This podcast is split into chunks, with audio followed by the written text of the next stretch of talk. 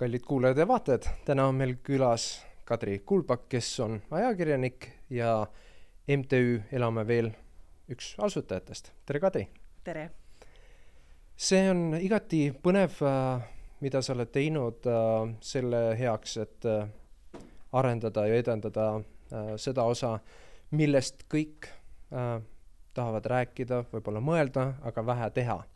mis puudutab siis vanade inimeste kuidagi elu positiivsemaks muutumist, et ähm, kuidas, kuidas see nii välja tuli, et see mõtetest läks tegudeni välja mm? -hmm. no siin on päris pikk lugu, aga meil vist aega on et äh, ma läksin õppima sotsiaaltööd Tartu Ülikooli magistrisse ja ma tegin enda magistritöö hooldekodu elanike autonoomiast niimoodi, et ma käisin kolmes eriilmelises hooldekodus ja tegin seal osalusvaatlust ehk siis intervjuusid ja tegin ise ka seda hooldustööd. ja noh, üks probleem, mis sealt teravalt välja tuli, lisaks sellele, et klientidel on vähe sõnaõigust igapäevastes tegevustes ja toimingutes kaasa rääkida, oli see, et äh, on vähe selliseid ähm, noh, mõtestatud ajaveetmisviise, noh kindlasti siin koroonaaeg mõjutab, et võib-olla ei saa endale kõiki külalisi sinna esinema kutsuda või nii, aga, aga see probleem kuidagi jäi mind kummitama ja siis ühel õhtul äh, enda kolleegi Hindrek Pärgiga pärjaga, ma ei teagi, kuidas seda käänata, peaks talt küsima, et äh, olime jah minu pool ja ma kuidagi rääkisin talle sellest äh, kogemusest seal hooldekodus käimisest ja nii ja siis mul kuidagi turgatas, et oh, tahaks teha midagi sellist, nagu tehakse haigetele lastele, see minu unistuste päev. et, ähm, et viiakse siis selle väikse inimese üks selline suur soov täide. ja, ja et noh, et võiks sedasama teha hooldekodu elanikele. ja siis mõtlesin sealt nagu edasi ja lõpuks jõudsin siis sellise ideeni,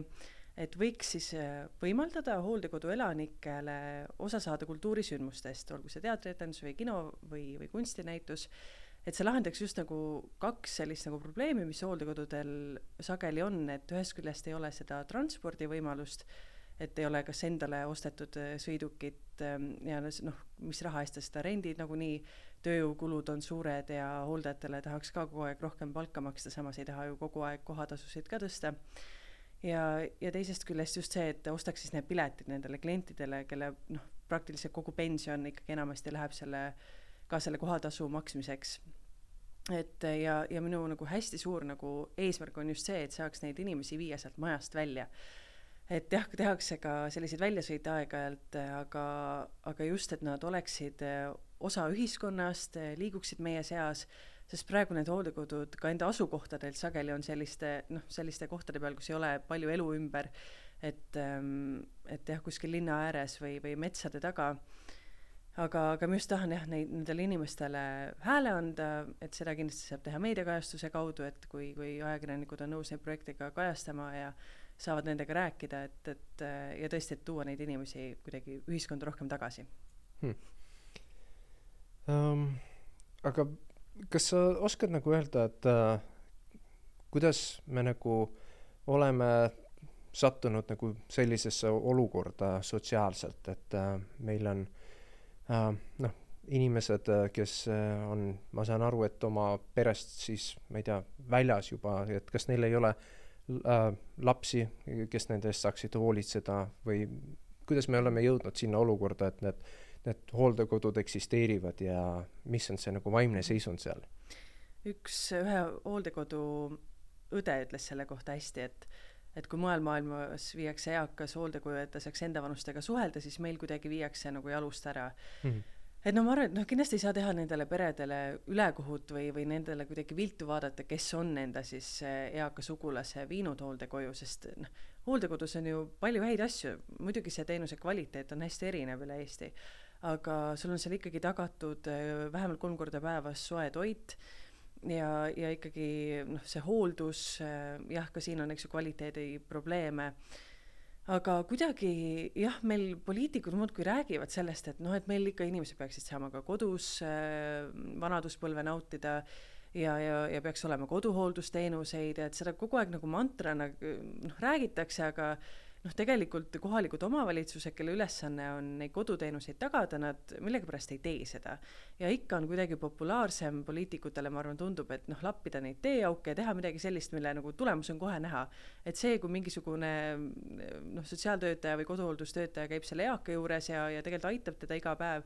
siis noh, selle eaka inimese tänulikkus võib-olla ei jõua kõikide valijateni, aga see, kui midagi suuremat on linnas korda tehtud või, või peatänav ära remonditud, eks ju, et siis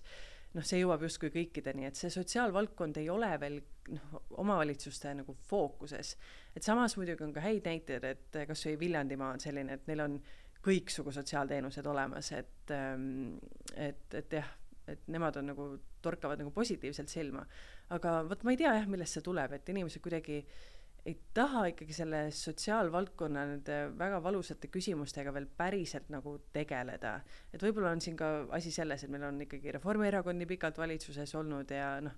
et, et noh, pigem sotsiaalteemadega tegelevad, ma isegi tooks jälle võib-olla sotsiaaldemokraadid ja, ja Keskerakond, et äkki on selles asi, aga, aga noh, pigem on see ju ikkagi KOV-ide rida ja, ja peaks nagu valima neid inimesi, kui need teemad lähevad korda, et kelle programmis on siis ka, ka need teemad nagu olulisel kohal. kui vaadata nagu sellisest eksist-, eksistentsiaalsest nagu vaatevinklist, et äh, ideaalis me tahame, et äh, probleemid ju ei eksisteeriks, on ju, et ühelt poolt, kui nad eksisteerivad, siis me võiks seda äh, proovida kuidagi väärikalt äh, ära lahendada, aga teist, teiselt poolt nagu see preventatiivne pool on ka oluline, et mm -hmm ühelt poolt, mida me saaks teha, et äh, need hooldekodud ole, oleks nagu heas mõttes nagu tühjad mm? -hmm jah, tõesti, vot see, see on see hea küsimus, et, et tegelikult me ei taha ju sinna nagu mingis mõttes üldse inimesi. aga noh, kui nad seal juba on, võiks neil seal võimalikult nagu mugav olla, et ja. aga noh, siin on jah jällegi see koduhooldusteema, aga minu meelest jah, ennetuses on kindlasti nagu suuri puudujääke, et et välismaal on päris ägedaid praktikaid, ma ei oska nii kohe riikide näiteid tuua, et, et aga aga jah, et kus näiteks käi-, käivadki sellised ähm, meeskonnad äh, eakate juures ja, ja uurivad, ähm, kas neil on juba mingi abivajadus tekkinud, kas neil on põrandal mingid vaibad, mille otsad võiks äh, maha liimida kuidagi, et nad ei komistaks sinna otsa, sest näiteks kodus kukkumised on väga suur probleem, et kunagi isegi oli see Haigekassa või keegi pöördus äh, minu või minu kolleegide poole, et et kuulge, et kuidas me saaksime ennetada seda, et inimesed nii palju kodus sõna otseses mm. mõttes ära surevad, sest nad kukuvad. et kuidas seda probleemi ennetada, aga noh, siin ma arvan, et jah, tõesti võiks rohkem fookusesse võtta need ka üksi elavad eakad omavalitsustes et äh, siin äh, mingi aeg ilmus ka Riigikontrolli audit, kus oli juttu just sellest, et äh, omavalitsused tegelikult ei tea neid inimesi, kes neil abi vajavad mm. ja, ja noh, mul on siin ka näiteks tuttav politseinik toonud kurva näite Lõuna-Eestist, kus üks mees suri täiesti oma lagunenud majas, kus olid loomad, mis oli noh, täiesti elamiskõlbmatu niimoodi, et sotsiaaltöötaja siis toodud toidukott oli ukse taga et selline väga nagu võigas nagu sümbol või, või pilt, et et see jah, toit on nagu toodud justkui nagu linnuke kirjas, aga mis oludes tegelikult see inimene on ja me hästi palju nagu just nagu sotsiaaltöötajate poolelt kuuleb ka seda, et aga noh, mis siis teha, kui inimene nagu ei taha seda abi, et noh, on hästi selliseid kangekaelseid vanemaid mm. inimesi, kes ongi terve elu ise hakkama saanud ja nad tahavad nagu lõpuni üksi elada, et et blokaadi elasin läbi, siis teie tulete oma abiga, jah? nojah, et, et ta-, nad tahavad üksi hakkama saada, aga samas nad ei, no ikkagi neil on neid kukkumisi juba ja või, või see kodu pole korras ja nad ei saa seda sooja sööki kätte, et et need on nagu need hästi keerulised olukorrad aga siin tulebki mängu see sotsiaaltöötaja professionaalsus, et, et sa kuidagi noh, suudaksid selle inimesega luua sellise usaldusliku suhte, et ta lõpuks on nõus ikkagi selle abi vastu võtma. Et noh, vägisi ei saa muidugi jah, kedagi nagu aidata, aga siin kasvõi näiteks eh, Kuuuurijas oli lugu sellisest eh, mehest, kes oli nii-öelda koopamees ja elas kuskil ka lageda taeva all täiesti ja, ja noh, omavalitsus nagu rääkis seal saates, et jah, nad on nagu kõike proovinud ja pakkunud, aga kuidagi see saade ikkagi käivitas mingisugused protsessid niimoodi, et, et see mees on nüüd täna hooldekodus mm., mis noh, kindlasti on talle parem koht, et eh, see ei olnud nagu absoluutselt okei okay,, mis oludes ta elas. et noh, kasvõi mu enda ka sugulane võttis minuga hiljuti ühendust, et, et, et noh, et siis ühe inimesega seoses, et kes on ka hästi kangekaelne näiteks ja ja noh, keeldub igasugusest abist, et, et mida teha ja noh, tegelikult endal on ka selline, et noh, nagu segadus, et noh, mis siis nagu teha. aga ma arvan ikkagi vähemalt võiks nagu teada anda nendest inimestest, kui sa tead, et su ähm, näiteks jah, kortermajas elab neid üksikuid vanureid, et siis kas või igaks juhuks öelda, sest noh, jube kurb on see, kui inimesed surevad nii, et nad päevi hiljem võib-olla hoopis mingi halva haisu peale avastatakse. seda kindlasti, see on tegelikult õudus, et äh, noh -hmm., hästi paljud ju meist äh,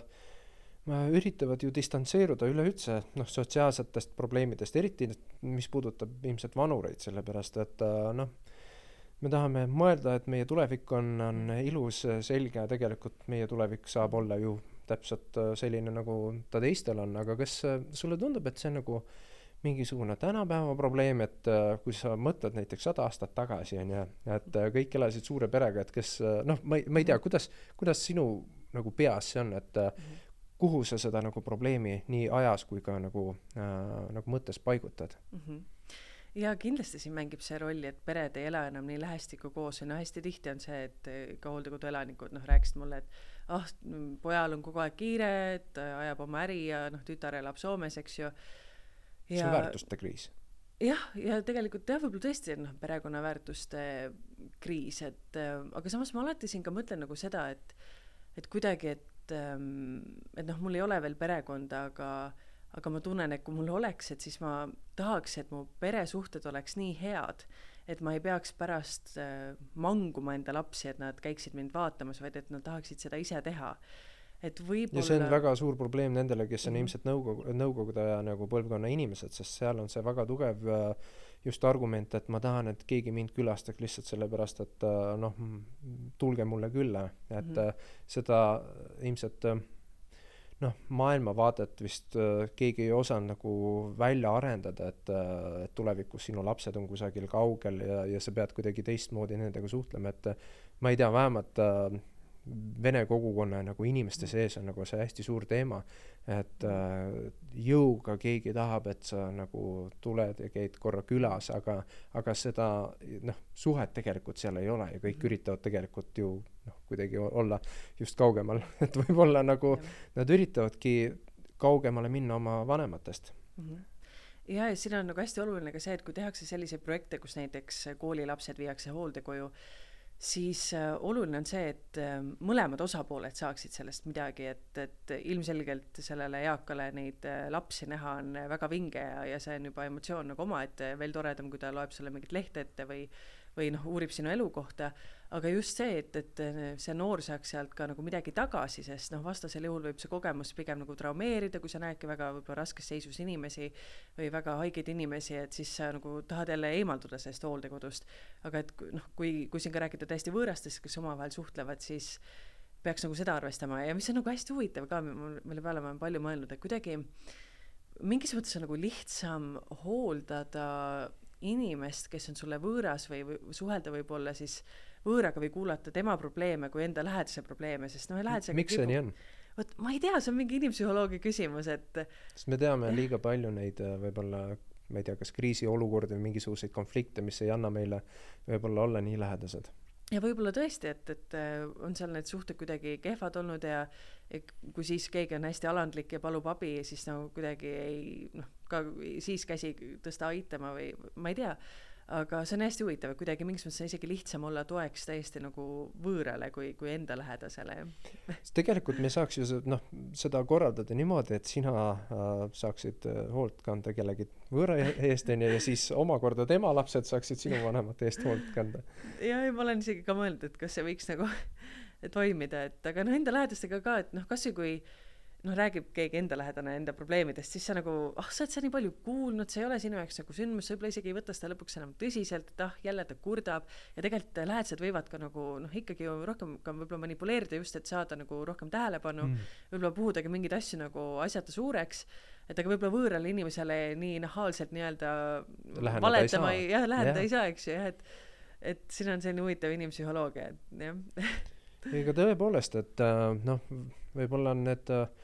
väärtused on vaja kuidagimoodi äh, ära kalibreerida, aga ma usun, et äh, noh, vähemalt siis, kui ma üritan enda olukorda vaadata, see on tõepoolest keeruline minna nagu oma, oma sugulaste juurde seal midagi korda teha, kui sellepärast, et äh, need on täpselt samad jutud, täpselt samad kommentaarid, no siis kõik need traditsioonilised asjad mm. -hmm. et ta, ta ongi nagu teatud pidi mingisugune lõks, aga me olemegi ilmselt nii ka vanavanemad kui ka nagu no ma ei tea, isegi kui ähm,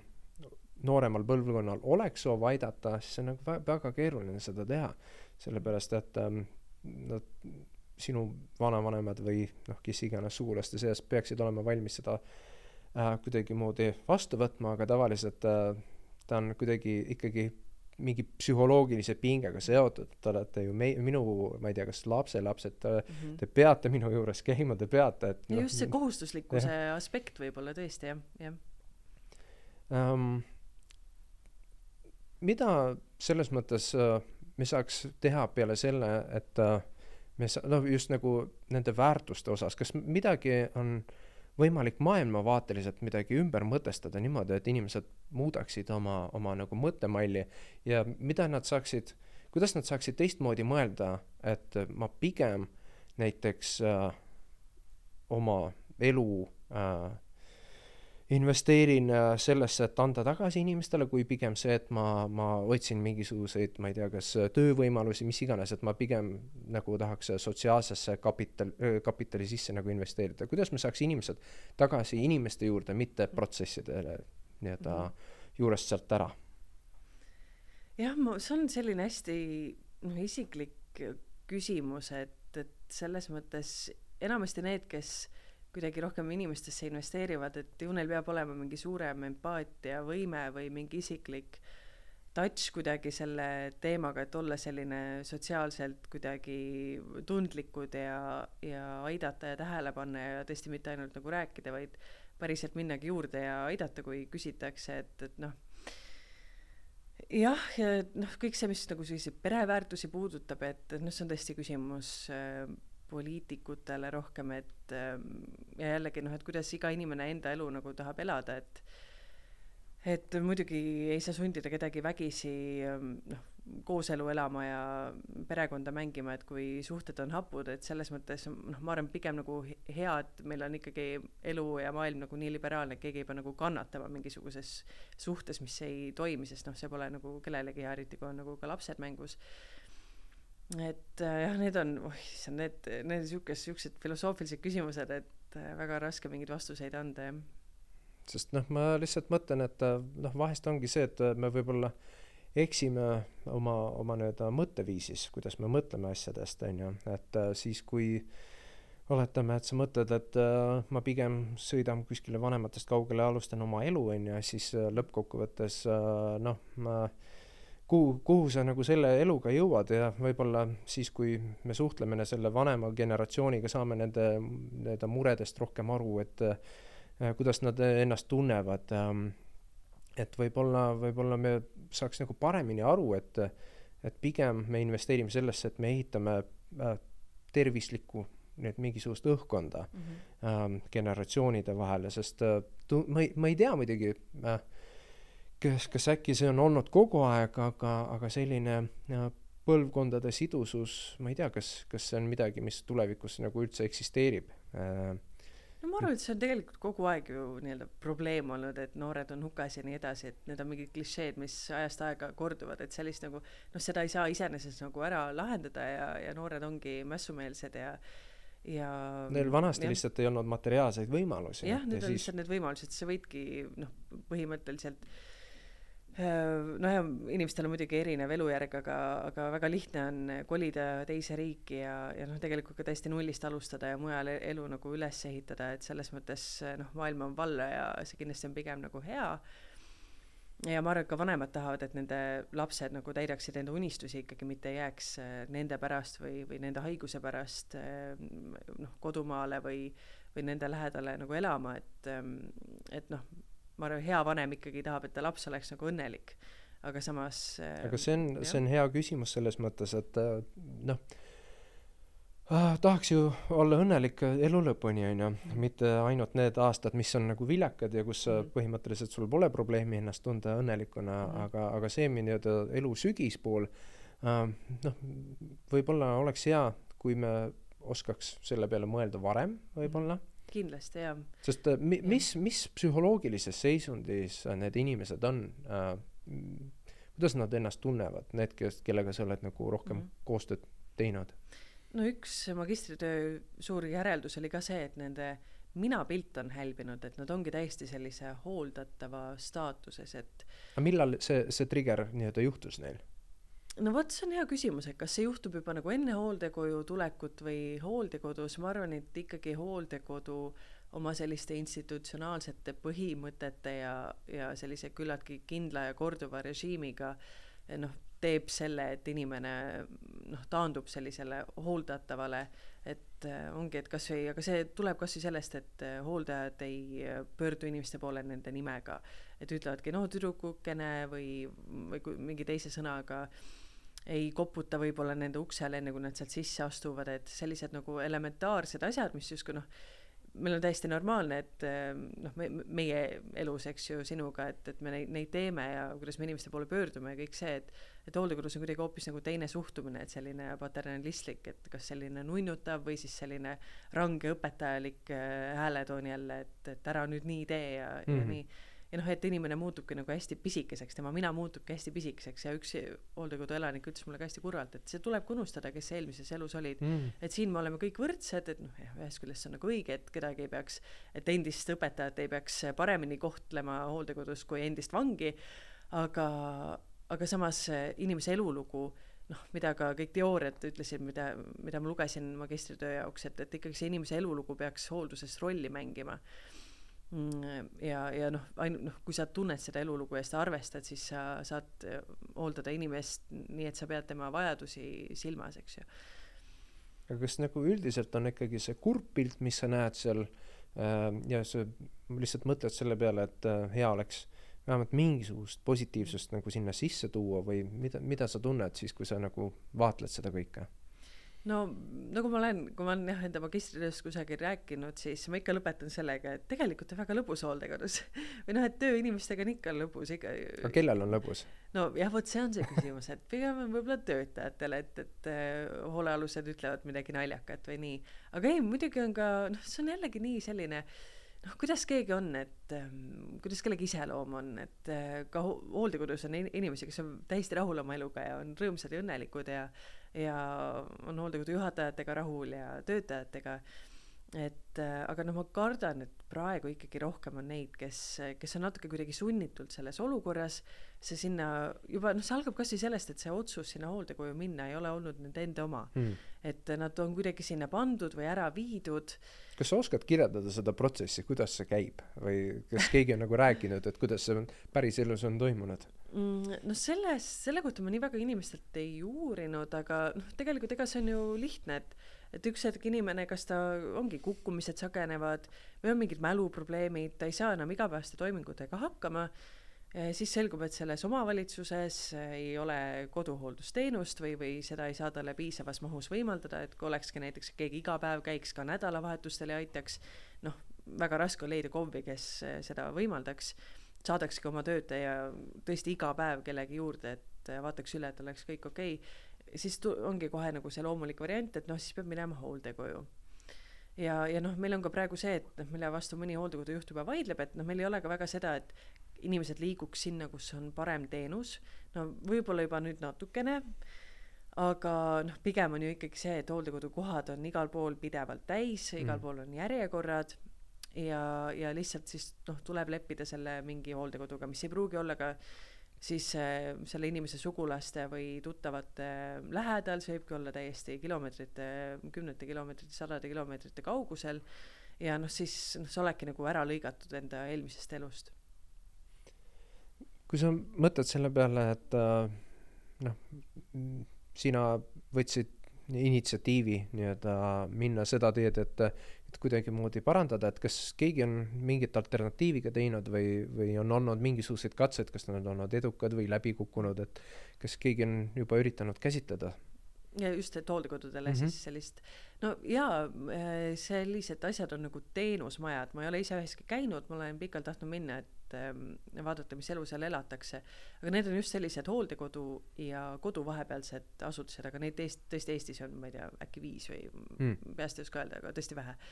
et äh, seal ongi, ma saan aru, et seal on siis mingisugune abi, ma ei tea, kes ta on täpselt, hooldaja või sotsiaaltöötaja ka olemas nagu majas, aga sa ikkagi elad nagu omaette korteris. et sul on privaatsus mm. tagatud ja, ja saadki selle toa või enda selle korteri enda maitse järgi kujundada. Et noh, hooldekodus on kõik küllaltki ühetaoline nagu haiglas aga, aga jah, et see on ähm, selline hea variant, et, et sul ongi see turvatunne, et sa tead, et kui, kui sa kukud, kui sa jääd millegagi hätta, sul on see abi kohe olemas et, et see on. no ma saan aru, et peale selle sa, sa tahad nagu lisada sinna mingisugust noh,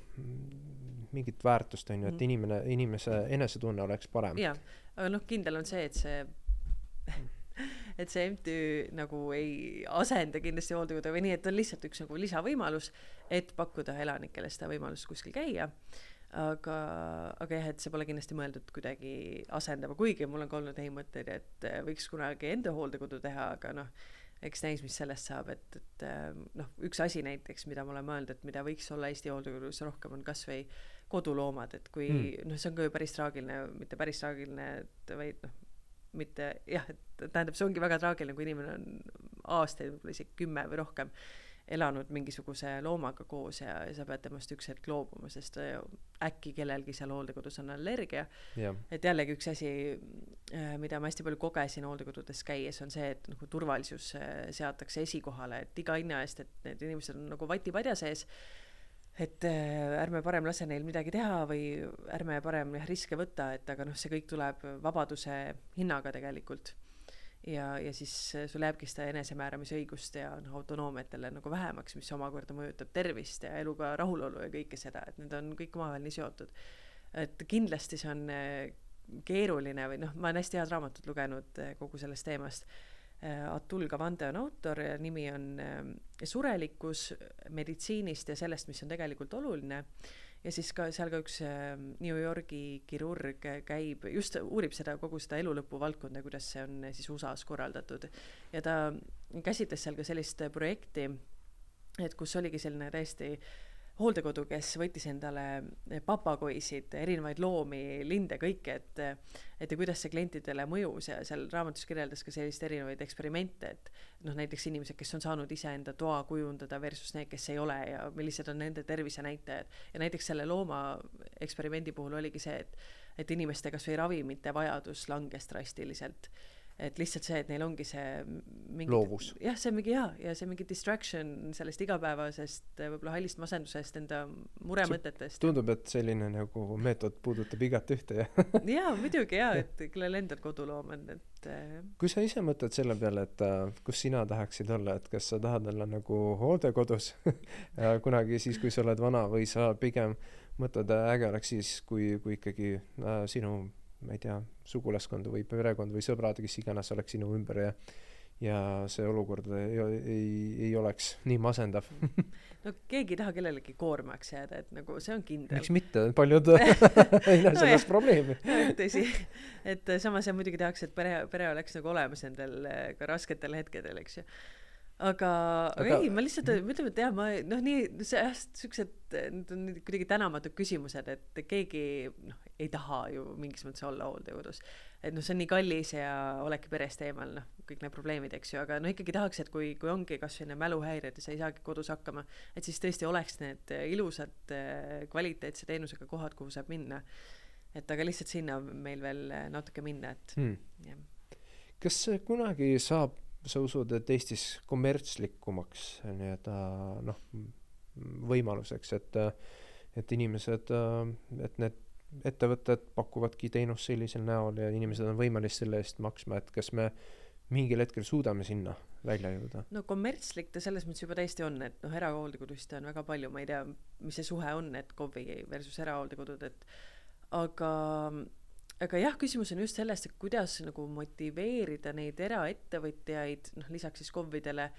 kes ähm, teeksidki täiesti midagi kastist välja, et noh, näiteks Südamekodud on selles mõttes hea näide, et äh, et kui disclaimer'ina, et Martin Kukk, Südamekodude nõukogu esimees on ka minu MTÜ asutajaliige, nii et olen siinkohal kallutatud, aga ma lihtsalt tean, et nad teevad äh, Valklas sellist hooldekodu, kus on näiteks kolm osa, et üks ongi selline toetatud elamine või siis nagu korterid ja nii või äh, rohkem privaatsem elamine, siis sihuke hooldekodu osa ja siis äh, õendushoolduse osa. Et, et ja see on erakätes? jah, see on erakätes jaa, et lihtsalt, et kui meil olekski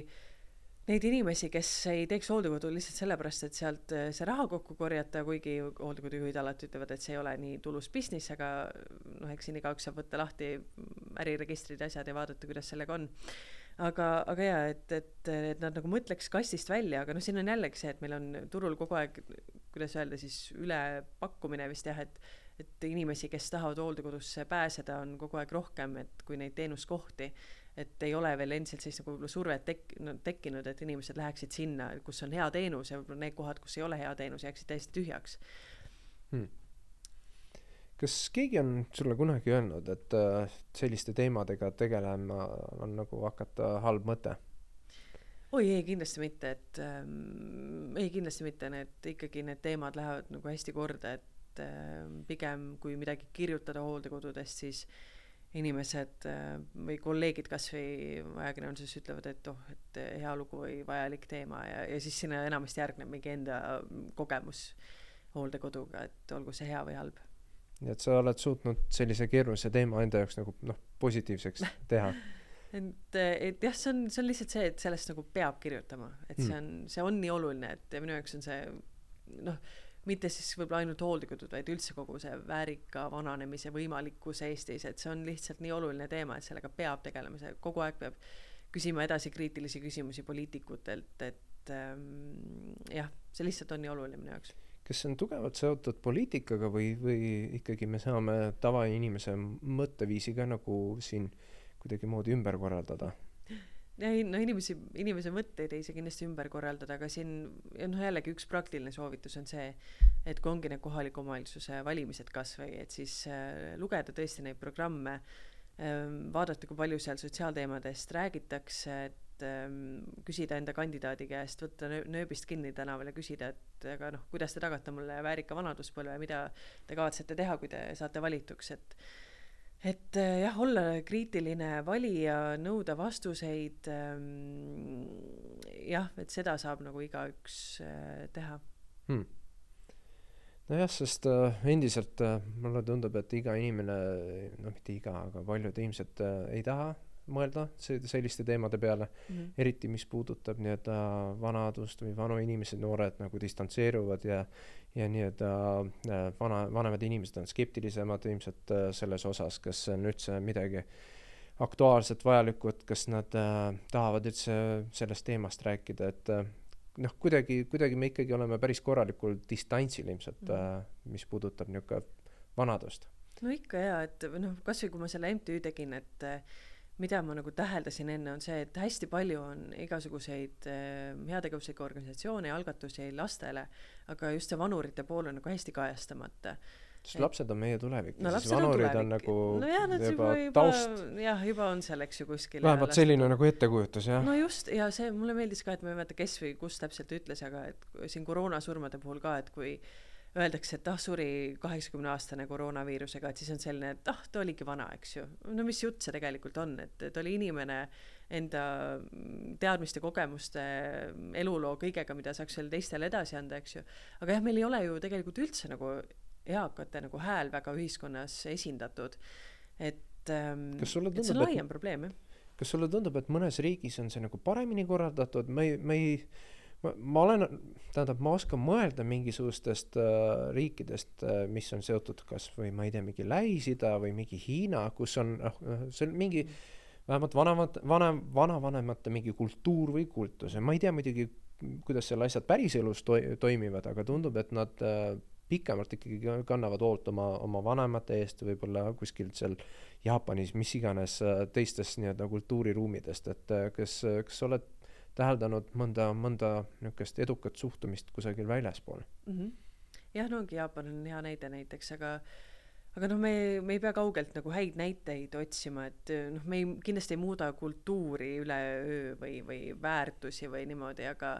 aga noh, et ähm, kas või kui äh, planeerida äh, linna, valda mingit asumit, et siis Äh, panna seal tähele seda, et äh, kõik äh, teed oleksid, majad oleksid ligipääsetavad, et noh, et kasvõi kui me juba nagu selliseid asju hakkame läbi mõtlema, noh, et me muudamegi ühiskonna ligipääsetavaks, kõik bussipeatused, kõik hooned, eraasutused, avalikud asutused, et siis see noh, me juba teeme endale teene nagu tulevikuks, et jah, meil praegu ei ole mingit äh, abivahendit liikumisel, aga paarikümne aasta pärast võib-olla on. või siis sul on lihtsalt see lapsevanker üks hetk, millega sa ei pruugi kuskilt äh, korralikult sisse saada või üle saada. et, et noh, et see, et selline sotsiaalne nagu mõtteviis peaks inimestesse juurduma et ja jah, mis puudutabki tõesti juba nagu nii väikseid asju nagu see linna planeerimine mm. -hmm lihtsalt tuleb meelde ühe Rootsi kolleegi kunagi äh, noh, lihtsalt äh, sõnavahetus, et äh, ütles, et äh, vanemaid äh,, kuigi nad elavad nii-öelda Rootsis ja ilmselt vanemad seal tunni aja kaugusel, siis ta näeb oma vanemaid nagu kord aastas mm. -hmm. et äh, noh, ja põhimõtteliselt ma eeldan, et tal peas on enam-vähem see stsenaarium, et vanemad on seal kuskil, saavad oma eluga, noh, neil on äh, ilmselt äh, võimalust finantsiliselt ennast ülal pidada ja siis nad jätavad endale raha selleks, et äh, lõppkokkuvõttes minna vanadekodusse ja põhimõtteliselt igaüks elab niisugust oma, oma nagu individualistlikku elu, et kas sulle tundub, et see on nagu hea või tervislik nagu mõtteviis mm -hmm.? nojah, muidugi läänemaailm on hästi individualistlik et aga jällegi ma ei tea, mis see antidoot siin oleks, lihtsalt tuleb püüda ise sellised peresuhted luua, et ähm, et ikkagi see võrgustik oleks endal ka nendel rasketel hetkedel olemas. et ma arvan, et siin nagu muud retsepti pole, et kuidas seda individu-, individualismi kuidagi tagasi pöörata, noh, raske öelda, aga noh, pigem elus vist kipuvad asjad nii käima või maailma ajaloos, et kõik on niisugune kuidagi lainetena, et praegu on niisugune hästi indiv-, individualistlik, äkki me läheme sealt jälle tagasi, et võib-olla hakkame mingites suurtes pere ühismajades, elamutes elama kunagi, et ei tea nojah, seda võib juhtuda muidugi. või läheb see asi ainult jah hullemaks ja süveneb, et eh, koos tehnoloogiaga, aga noh, jällegi tehnoloogia on ju ka võti selles mõttes. et no ma ei taha öelda, et see on nagu päris selline lahendus kõikidele mm, probleemidele, mis on vanadusega seotud, aga noh, jällegi Jaapani näide, et seal on ju sellised toredad mingid karvased, ma ei tea, hülged ja asjad, mida on ka mõnes Eesti hooldekodus, et kes siis eakaga suhtlevad või tuletavad meelde, et võta nüüd tablette või siis täiesti selliseid inimnäolisi roboteid juba, et et kindlasti tehnoloogia on ka üha suurem meie sõber ja, ja hakkab neid probleeme nagu lahendama, et siin Eestis kindlasti tekib ka see tööjõu küsimus, mis noh, mingis mõttes juba täna on, et ka praegusel ajal siin äh, koroonaga on öelnud, et mõned hooldekodujuhid, et eriti kui on tulnud vallandada neid, kes ei ole vaktsineeritud, et, ähm, et peakski Ukrainast näiteks tööjõudu tooma, et et kes, kes lõpuks meil neid inimesi hooldab, et see on ka suur mure. Mm.. ja, ja see jällegi on see teema, et et siis tuleks ikkagi ju vältida nende inimeste hooldekoju sattumist kogu selle ennetuse ja selle teemaga, sest meil lihtsalt lõpuks ei olegi seal nagu hooldekodudes tööjõudu. kuidas me saaks ikkagi seda, seda distantsi äh, kuidagi lühemaks nagu teha, mis puudutab äh, noh, seda hooldekodu elu võib-olla nägemist, sa mainisid seda, et näiteks kui lapsed külastavad mm. -hmm. ähm, noh, ühelt poolt lapsed äh,, tore, et nad kõike näevad, aga nad paljud unustavad ja väga vähestel jääb mingisugune noh, empaatiavõime nii-öelda äh, jääb äh, nende elus, et äh, võib-olla me peame tegelema rohkem täiskasvanute inimestega, sellepärast nad on päriselt võimelised midagi tegema mm, -hmm. sest lapsed on ikkagi ähm,, ise vajavad hooldust mm. -hmm, jah aga noh, siin ongi kasvõi jällegi välismaalt nii ägedaid praktikaid, kus hooldekodu äh, noh, Eestis hiljuti ka oli, keegi pahandas siin, et hooldekodu taheti teha mingisuguse lasteasutuse juurde, oli see kool või lasteaed. aga noh, mina mõtleks jälle, et vastupidi, et üliäge, et need lapsed nagu lähevadki iga päev mööda sellest hooldekodust, näevad seal võib-olla mingeid vanureid liikumas, äkki hakkavad mõnega rääkima, et ülivinge. kas see, kas see no, ei või tekitada negatiivset emotsiooni no,? jaa, muidugi see oht on, eks ju, alati, aga, aga noh, et, et kas või nagu katsetada, et proovida kuskilt alustada ja siis mõelda võib-olla hiljem ka neid tegevusi välja, mida saavad need inimesed seal omavahel nagu teha või, või ehitada see hooldekodu kuidagi mingi ülikooli, äh, ülikooli siis äh, ühiselamuga kõrvuti või kokku, et et noh, niisugust nagu kastist välja mõtteviisi on rohkem vaja, aga noh, nagu ma enne ütlesin ka, et need hooldekodud, kui need Eesti kaardile nagu lao-, laotada, siis need on ikkagi nagu keskustest nagu hästi kaugel, et ma kasvõi siin enda MTÜ puhul olen mõelnud, et et kui äh, tahta viia inimesi kultuuri juurde, et siis need isegi need noh, asutused, kus kultuuri saab nautida, et need on äh, sageli nii kaugel hooldekodudest, et see nagu pärsib nende projektide teostamist ja kui sa juba tund aega pead kuhugi sõitma, pluss siis sul on võib-olla veel kolm tundi või kauem seda etendust ja veel tagasi tund aega, et noh, see on sellele kaheksakümne aastasele või vanemale, eks ju, ikka noh, väga mm, nagu suur väljakutse. ja suur väljakutse, jah mm. aga jah, siin tõesti jah saab neid eh, erinevaid inimesi kokku tuua, neid asutusi lähemale ehitades, et ja, ja või kasvõi mingeid muid avalikke asutusi, et, et ehm, jällegi üks hea Hollandi näide,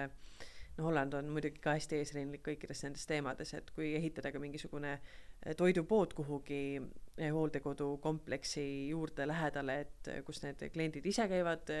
toitu ostmas, võib-olla mingi juhendaja abiga või, või nii ja, ja kus siis nagu teised inimesed ka käiksid, et ja noh, kui sa näed seal sageli seda ühte sama inimest või, või tema hooldajat ja nii, et siis see ka jällegi kuidagi noh, siis see ei võõrista võib-olla seda lõpuks enam nii väga. jah, see on ikkagi siis selline huvitav asi ikka väga-väga raske nagu mõelda vanaduse peale, sest ta, ta ei noh, tundub, et kunagi nagu ei tule, aga siis, kui ta on tulnud, siis, siis on juba hilja midagi nagu muuta ja noh, vahest ma, ma nagu ehmun siis, kui ma loen tänapäeva noh, inimeste seisukohti vähemalt näiteks pereteemadel, et äh, ühest blogist, et üks kirjutab, et äh, ta on vist kakskümmend üheksa, elab äh, koos oma naisega ja kirjutab, et ta ei saa aru, miks ta peaks üldse selles elus noh, lapsi tegema, et miks tal peaks olema lapsed inimesed äh, tänapäeval ei saa see sarnasel kujul nagu aru ka teistest asjadest, miks ma peaksin hoolitsema vanemate eest, miks, miks ma peaksin üldse midagi tegema. et äh, noh, ühelt poolt mulle tundub, et äh, see on väga niisugune äh, mm, hirmuäratav niisugune mm, argument, et inimene ei saa aru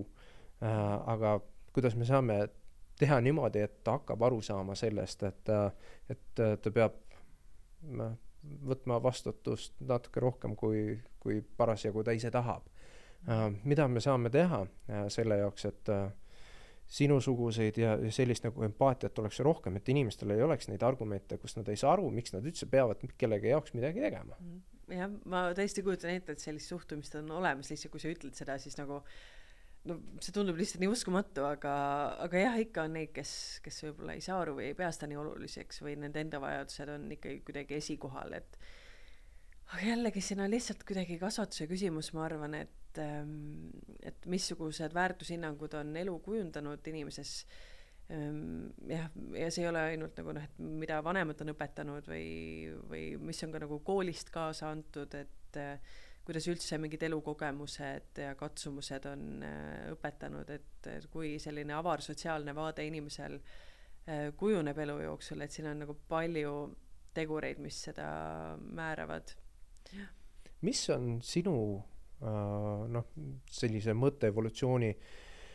kestel olnud need otsustavad hetked, kus sa oled mõelnud otsustada minna ühes või teises suunas, et vähemalt sellise sotsiaalse äh, teema puhul, mis on need äh, olnud äh, need trigger'id mm? -hmm. ja kuidas ma selle valdkonnani olen jõudnud ja kõik see? jah, et mi, mis sinu äh,, mis tekitas see mõte, et, et ma, ma tahan sekkuda mm, -hmm. ma tahan mõelda selle peale, ma tahan mhm. aidata, ma ei ole ükskõikne selles mm. -hmm. no jah, kui ma läksin sotsiaaltööd õppima, siis ma kuidagi tundsin ka, et mu ümber on nagu hästi palju äh, praktikuid olidki omavalitsuste sotsiaaltöötajad, Sotsiaalkindlustusameti inimesed või, või rehabilitatsiooni valdkonna inimesed, et et kes nagu kõik iga päev päriselt midagi teevad, et jah, sa nagu ühest küljest saad ajakirjanikuna ka mingeid asju ära teha, ma siin kas või kirjutasin äh, munitsipaalmaja elanikest, kes olid lumevangis mitu-mitu äh, päeva, äh, kes on just ratastooli kasutajad ja kõik teed olid puhtaks lükkamata ja siis noh, läks juba samal õhtul siis maja haldusfirma läks asja kontrollima ja ja linn lükkas ka sealtkandist eh, teed puhtaks, et, et ühest küljest sa ajakirjanikuna saad ka panustada, aga ma kuidagi, ma ei tea, kust see nagu klõps täpselt käis, aga ma tundsin, et ma nagu ei taha nii palju nagu seletada, et peame märkama ja abistama ja tegema, et et noh, mis see arvamuslugu aitab, et parem tee siis juba ise midagi ära ja ja ma, ma arvan, et siin on jällegi see, et ma nagu lihtsalt nägin, et nagu selles noh, et selle eakate nagu valdkonnaga väga inimesed nagu ei tegele, et mulle täna ka kirjutas üks koorijuht, kelle juures ma laulsin mitu aastat tagasi, et ähm, et just, et nagu tore on näha eakatele suunatud projekti. Ja, ja nagu jah, siis ma just mõtlesin, et jah, et täpselt, et see on minu mõte ka olnud, et nagu jällegi, et nii palju tehakse nagu teistele sihtrühmadele, aga eakatele jah, õpetatakse mingit arvutioskust ja noh, raamatukogud teevad palju, et ja Jutudaja on hästi tore MTÜ, mis viib äh, vanureid ja noori kokku, kes siis ka omavahel suhtlevad, võib-olla seda just põlvkondadevahelist lõhet äh, püüavad siis ületada ja sildu ehitada, et aga, aga jah, et kuidagi ikkagi vähe tehakse ja jah, kuidagi mõtlesin, et noh, miks mitte. Ja ma arvan, see ikkagi see mingis mõttes koroonaaeg nagu mängis ka rolli, et noh, mind on kuidagi hästi kurvastanud, et ühest küljest nii valitsus, võib-olla vahepeal ka hooldekodud ise on äh, ka jällegi kindlasti kartusest, et see viirus majja saada, on neid päris karme nagu piiranguid kehtestanud, et et rääkisin ükskord ka ühe hingehoidjaga, et äh, nime nimetamata üks hooldekodu põhimõtteliselt terve selle koroona aja siiamaani on olnud äh, karantiinis mm., et äh, ma arvan, et see ei ole okei okay ja, ja seal peaks tõesti juba keegi sekkuma, et noh, meil on siin äh, kuulsad meediakangelased, kes võitlevad kogu aeg vabaduste eest, et et aga jällegi me ei näe kedagi, kes võitleks selle eest, et hooldekodu elanikud äh, oleks nagu üks vabad. asi ära teha, jah. jah mm., et, et äh, see on selline huvitav, et no millal, millal see ikkagi nagu sinust trigeris äh, nii-öelda käis ära, et äh, sa, sa pigem oled nagu sotsiaalne inimene, kas olid mingisugused hetked äh, või, või, või sa oledki naturaalselt sellise hoiakuga olnud? no ma arvan, et jah, kuskilt need tulevad ikkagi, need hoiakud ka ema-piimaga kaasa, aga noh, mul kindlasti üks mõjur, mõjur oli see, et mu enda vanaema oli hooldekodus ja noh, siis ma olin küll teismeeas, aga see ikkagi äh, jättis mulle hästi sellise nagu ebameeldiva kogemuse, et ma ei tahtnud kunagi sinna hooldekoju minna. Ehm, noh, vanaemal oli ka nagu tervisehädasid palju, aga, aga jah, see kuidagi kõik see, need inimesed seal ümber, mingid võõrad, kes tulid rääkima, kes olid meeltesegaduses ja ja noh, see oli ka selline kinnine osakond ja see oli kuidagi nii ebameeldiv kõik mu jaoks, need lõhnad seal ja selline, et et ja ma arvan, et sealt mingis mõttes jäi see, jäi see tunne, et ah, et tahaks nagu kuidagi panustada või midagi ära teha, et noh, see on ikka, see on ka sihuke ajakirjanikuks läheb ka ikka see inimene, kes kes tahab maailma paremaks muuta, et nii klišeeliselt ja nõmedalt, kui see ka ei kõlaks, et aga ikkagi tahaks nagu midagi nagu teha kuidagi, et sul on, sul on kuidagi see sotsiaalne närv. ja, ja noh, ma arvan, et mu enda nagu ka noh, ehm, siis enda isa haigus, et, et mis on sellist ka perekonna võib-olla rohkem nagu tähelepanu nõudnud, et ma arvan, et see on ka kindlasti empaatiliseks teinud ja samas ka need enda isa haiguse kaudu tulnud kokkupuuted eh, sotsiaalsüsteemiga, mis on ka kohati täiesti nagu naeruväärsed olnud, on, on nagu viinud selle valdkonnani. sa oled näinud lihtsalt, kuidas päriselus need protsessid käivad, sealt edasi on lihtsalt reaktsioon tulnud, jah. no tihtipeale jah, me saame mingisugust uh, otsekogemust, on ju, mis liigutab meid kõige rohkem mm., et uh, lugu või siis kellegi räägitud äh, on, on noh, jällegi mingi distantsil asi, mida me, me küll saame aru, et jaa, see on mingisugune õudne asi, aga paratamatult see ei ole see, mis meid lükkab edasi midagi, midagi tegema, et kahjuks ainult, ainult siis, kui me kaotame, siis kui, kui meil on ainult niisugused isiklikud lood. aga ilmselt on nagu palju inimesi, kes tegelikult tahaksid panustada, aga ilmselt kas nad ei tea, kuidas, kuidas mm. seda teha ähm, noh, neile tundub võib-olla see, et äh, see on kuidagimoodi mitte väga popp. Mm, kuidas sa nagu julgustaksid või kas sa su-, saaksid nagu anda mingisuguseid äh, mõtteid äh, nendele, kes, kes tahavad äh,, aga noh, nad kardavad võib-olla kohe minna mingisugustesse asjadesse, võib-olla nad tahavad ise midagi korraldada, et äh, mida peaks teadma ja kuidas saaks teha niimoodi, et äh, jõudu jätkub, jätkub nagu pikemaks äh, kui see, et äh, see nii-öelda mingisugune esimene faas ära käib? jaa, ei, see kindlasti nõuab siis pühendumust, aga see sotsiaalvaldkond on nagu selline, et kui ta korra sind endasse tõmbab, et siis on kuidagi väga raske sealt välja tulla ja tahaks ainult edasi minna ja edasi aga noh, siis muidugi võib tekkida ka sihuke läbipõlemisoht, et kui sa ini-, inimeste võib-olla probleemide keskel oled liiga palju, et noh, see MTÜ selles mõttes muidugi seda ei tekita, sest see on üdini positiivne, et viiagi neid hooldekodu elanikke kultuuri juurde. kusjuures see küsimus, et kuidas panustada, on äh, ka üks mu MTÜ asutajatest on rääkinud, et, et äh, näiteks äh, noh, ka Sotsiaalministeeriumi poole pöördutakse ikkagi talve ajal ja jõulude ajal, et noh, et tahaks enda töökollektiiviga midagi teha mm. või kuidagi panustada või tere, olen rikas ettevõtja. aga kas nad tahavad panustada ühekordselt või, või? no nüüd on pigem siuksed ühekordsed panustamised mm. jah, et, et kuhu näiteks annetada või mida nagu teha ja sageli või noh, kas MTÜ asutaja ütles, et noh, et ei osanudki midagi nagu soovitada, et äh, sest jällegi noh, ei ole ju ka neid organisatsioone või siis noh, kuidas sa valid välja, et andke just sellele hooldekodule raha või see peaks olema kuidagi sihitud ikkagi. et ähm,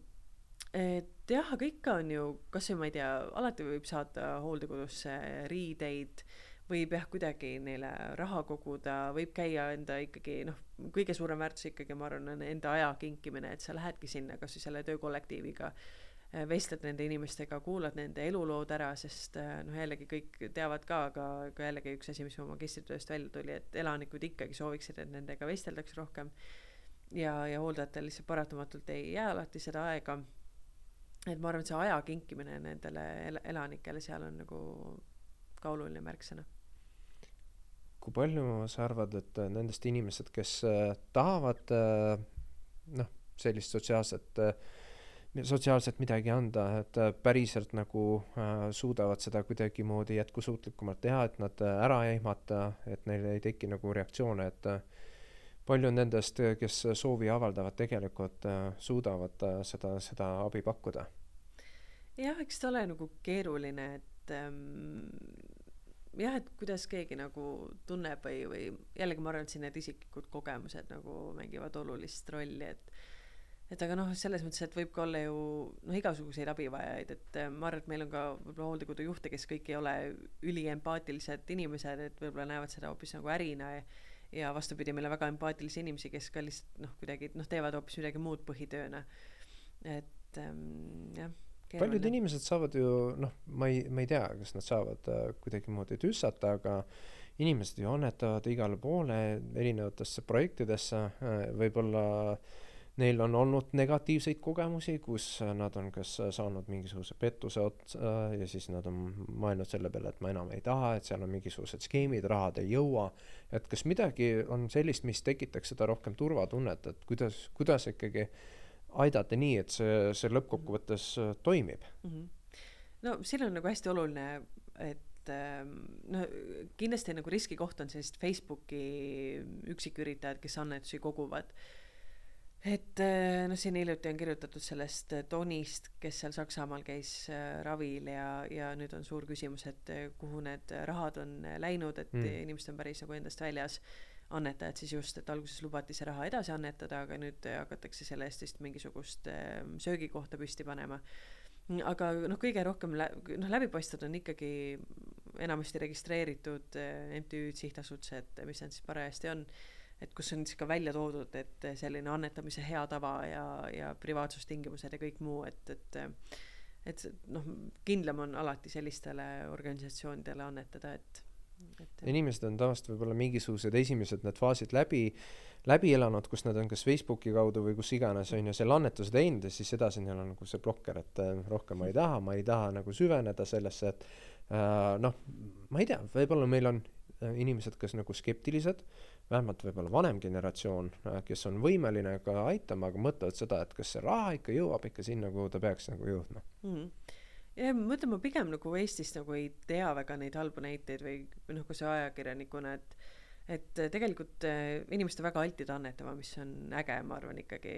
kasvõi enda MTÜ vaatest rääkides et äh, ma arvan, et ei pea nii väga kartma, et iga noh, organisatsioon, kes annetusi kogub, et äh, ma arvan, et nende väga oluline roll on näidata, kuhu see raha on läinud. Nad ju esitavad majandusaasta aruandeid ja kõike, et selles mõttes see asi on küllaltki läbipaistev Eestis ja kontrollitud, et need, et siin näiteks kasvõi kui sa majandusaasta aruannet ei esita, et siis sul kohe on mingid sanktsioonid MTÜ-na et äh, midagi tulumaksuga vist seoses oli, et jah, kõik see teema on mulle väga uus, aga, aga et äh, mulle tundub, et meil on päris hästi nagu ennetatud sellised olukorrad, kus äh,, kus inimesi tüssatakse, et lihtsalt pannakse see raha kõrvale. Mul on olnud ükskord selline nagu olukord, noh, ma ei tea, kui, kui kui päris see kõik oli, aga põhimõtteliselt äh, seis oli selles, et ma tahtsin annetada, teha püsiannetust, mis puudutas äh, vist äh, lastekodut. Äh, ja noh poodides olid inimesed, kes võtsid seda raha. Ja siis mulle üks tuttav ütles, et eh, kas sa tead, kui palju nad saavad, igaüks nendest, kes suudab selle annetuse sisse võtta, et kui palju nad saavad äh, protsenti sellest iga, igakuisest äh, noh, sellest diilist. noh, ma saan aru, et keegi põhimõtteliselt teeb tööd äh, selle jaoks, et need annetused sisse saada, see on, see on selles mõttes ka panus aga see, see hakkas mind nagu kuidagi emotsionaalselt väga nagu riivama, et keegi see peaks olema ikka vabatahtlik töö, et või no näiteks vähi, äh, vähifondil on küll nii, et inimesed käivad vabatahtlikult seal seismas. seda küll, aga noh, näiteks UK-s on ju päris palju inimesi, kes on õues, on ju, igasuguste cancer'i äh, nende plakatitega ja osa äh,, mingi osa nad jätavad raha endale sellepärast, et nad korjavad seda, noh mm -hmm., selles mõttes ma saan sellest aru, et äh, tasutakse ja, ära saa. inimese töö, tööaeg, on ju, et et no, ilma temata no vot, see on jällegi see, et kui edenenud on Eestis selline vabatahtlikult mingi töö tegemine üldse, et um, jah, ma ei teagi, mis riigi siin saab nagu hea näitena tuua, äkki isegi USA või, või et jah, selline vabatahtlik töö või enda kogukonna aitamine, et see peaks olema nagu nii iseenesestmõistetav, et et äh, aga, aga jah, meil ei ole võib-olla mm, jälle need, noh, meil ei ole siis nagu kogukonna võib-olla kultuuri nii väga tekkinud, et ähm, jah, mõnes võib-olla kohas juba on, aga eriti kuskil Tallinna magalapiirkondades, et, et seda noh, nii väga ei ole sellist märkamist ja panustamist, et, et jah. Ma lihtsalt mõtlen näiteks kui Ameerika peale, siis noh, vähemalt ajalooliselt seal on olnud ju tugevad niisugused usklikud on ju kogukonnad, kes on seda kõike teemat ajanud, kas, kas meil on ka midagi taolist äh, kes mõni, mõni kogukond nii-öelda üritab äh, mingisuguse teemaga tegeleda mm. -hmm. jaa, ikka on, ma nüüd jah, nii täpselt äh, kirikuorganisatsioonidega sest kristlased on tavaliselt need olnud, kes on tahtnud äh, teisi inimesi aidata ja, ja midagi ei, nagu ei, korraldada. organisatsioone on väga palju ja üldse kirikutele annetatakse ju väga palju, kas katuserahade puhul näeb seda ja, ja ikka ja mis see on kasvõi seal Kordioni Oleviste kirikus ju tehakse seda kodututele vähemalt üks päev aastas seda suurt eh, projekti, kus nad eh, saavad süüa ja riideid ja mis iganes. üks kord aastas? see, see vist üks kord aastas, aga võib-olla rohkem, võib-olla ma teen ülekohut nüüd, aga, aga noh, et ma arvan, et selline mingeid supiköögi võimalusi ja asju on ikkagi iganädalaselt ja paljudes kohtades. et noh, kirikud ka kindlasti täidavad seda rolli, aga jällegi noh, võib-olla see töö ei ole nii nähtav, et mis nad siis täpselt nagu teevad mm. -hmm. Aga kindlasti neid organisatsioone on, et äkki noh, peaks ka võib-olla ise ajakirjanikuna rohkem uurima, et, et äh, mis variante veel on sest noh, vähemalt jällegi ajalooliselt või ka kultuuriliselt -hmm. eetika on tihtipeale olnud seotud religiooniga ja põhimõtteliselt religioon on olnud see koht, äh, noh, religioonis on igasuguseid seisukohti, aga see, mis puudutab oma vanemate austust ja kõike seda, on olnud niisugune religioosne missioon ja me oleme näinud ka seda, et uh, tugevad religioossed inimesed, no neil on nagu full stack family ja seal on nagu palju lapsi ja palju vanemaid, et uh, kas noh, ja, ja tundub, et moraal nagu sekulaarses ühiskonnas ei ela pikalt, ta elab mingisugust aega, aga kuna sellist noh, mitte halvas vormis nagu indoktrinatsiooni nagu ei toimu, et inimesed äh, ei usu, tähendab uh, usu puhul on see, et äh, läbi nende tegevuste sa oled, sa oled lähemal nii-öelda Jumalale, sa teed nii-öelda väga õigeid asju, see on see, mille jaoks sa oled loodud, et kas, kas sa seostad ka, ka sellist nagu abi mingisuguse religioosse maailmavaatega mm? -hmm. Uh, väga intrigeeriv küsimus jaa, ei selles mõttes küll, et see on ju ka kiriku roll, eks ju, olnud, et äh, mitte ainult kristluse piires, vaid üleüldse. jaa mm -hmm., üldse, eks ju, jah. noh, kui maailma vaadata. ei, täiesti õige, eks ju, samas noh, ikkagi Eestis on ju ka väga palju äh, inimesi, kes on kirikuga seotud, et äh, selles mõttes noh, ei saaks öelda, et meil inimesed on, no vahel öeldakse, et ah, eestlased on nii usuleiged, et tegelikult noh, kui numbreid vaadata, siis ei ole. jällegi, kui palju on neid nagu aktiivseid liikmeid kirikus, see on nagu teine küsimus aga no ma usun, et äh, selles mõttes ma arvan, et siin on mingi iva, kuigi ma ise ei ole näiteks ristitud ja nii, aga, aga et, et noh, et usu, äh, et usk on, ma arvan, ka seotud äh, sellega, kui palju siis erinevaid abivajajaid märgatakse ja aidatakse ja kui palju näiteks ka sotsiaalvaldkonda väärtustatakse ühiskonnas. noh, et ma pigem usuks, et see on nagu tõsi mm,. jah sest ma ei tea, kuidas sellega muidugi Eesti kontekstis on, aga ma olen kuulnud lugusid, mis puudutavad näiteks igasuguste narkomaanidega tegemist mm. -hmm et, äh, et tugevalt kristlased äh, või vähemalt need inimesed, kes said kristlasteks, on ju kunagi läbi selle, et nad jätsid kõik oma need sõltuvused kuskile ajalukku ja siis hakkasid seda, seda kõike ähm, teiste jaoks ka nagu korraldama, et neid noh, tundub, et noh, religioosne nagu komponent annab selle sisse, et inimesed ei karda nagu ennast ohverdada või midagi taolist, noh sest mm, sest tegeleda ikkagi noh, narkomaania või mingisuguse väga keerulise asjaga on nagu, on ikka äärmiselt raske. Ja mulle üks inimene ütles, kes äh, kunagi noh, aitas organisatsiooni, samamoodi kuulub nii-öelda kristlikku kogukonda, ütles, et äh, noh, narkomaania puhul ongi see, et äh, see mitte kunagi nagu ei kao ära, et see on mingi asi, mida sa pead kogu aeg neid aitama elama läbi nagu iga päev, sellepärast et nad iga päev ikkagi mõtlevad selle peale, isegi kui see oli kümme aastat tagasi,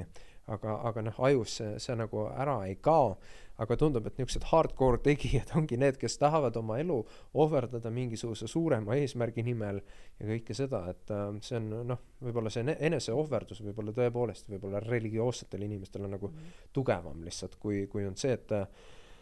noh, kes meist vabatahtlikult tahaks äh, lahti lasta igasugustest äh,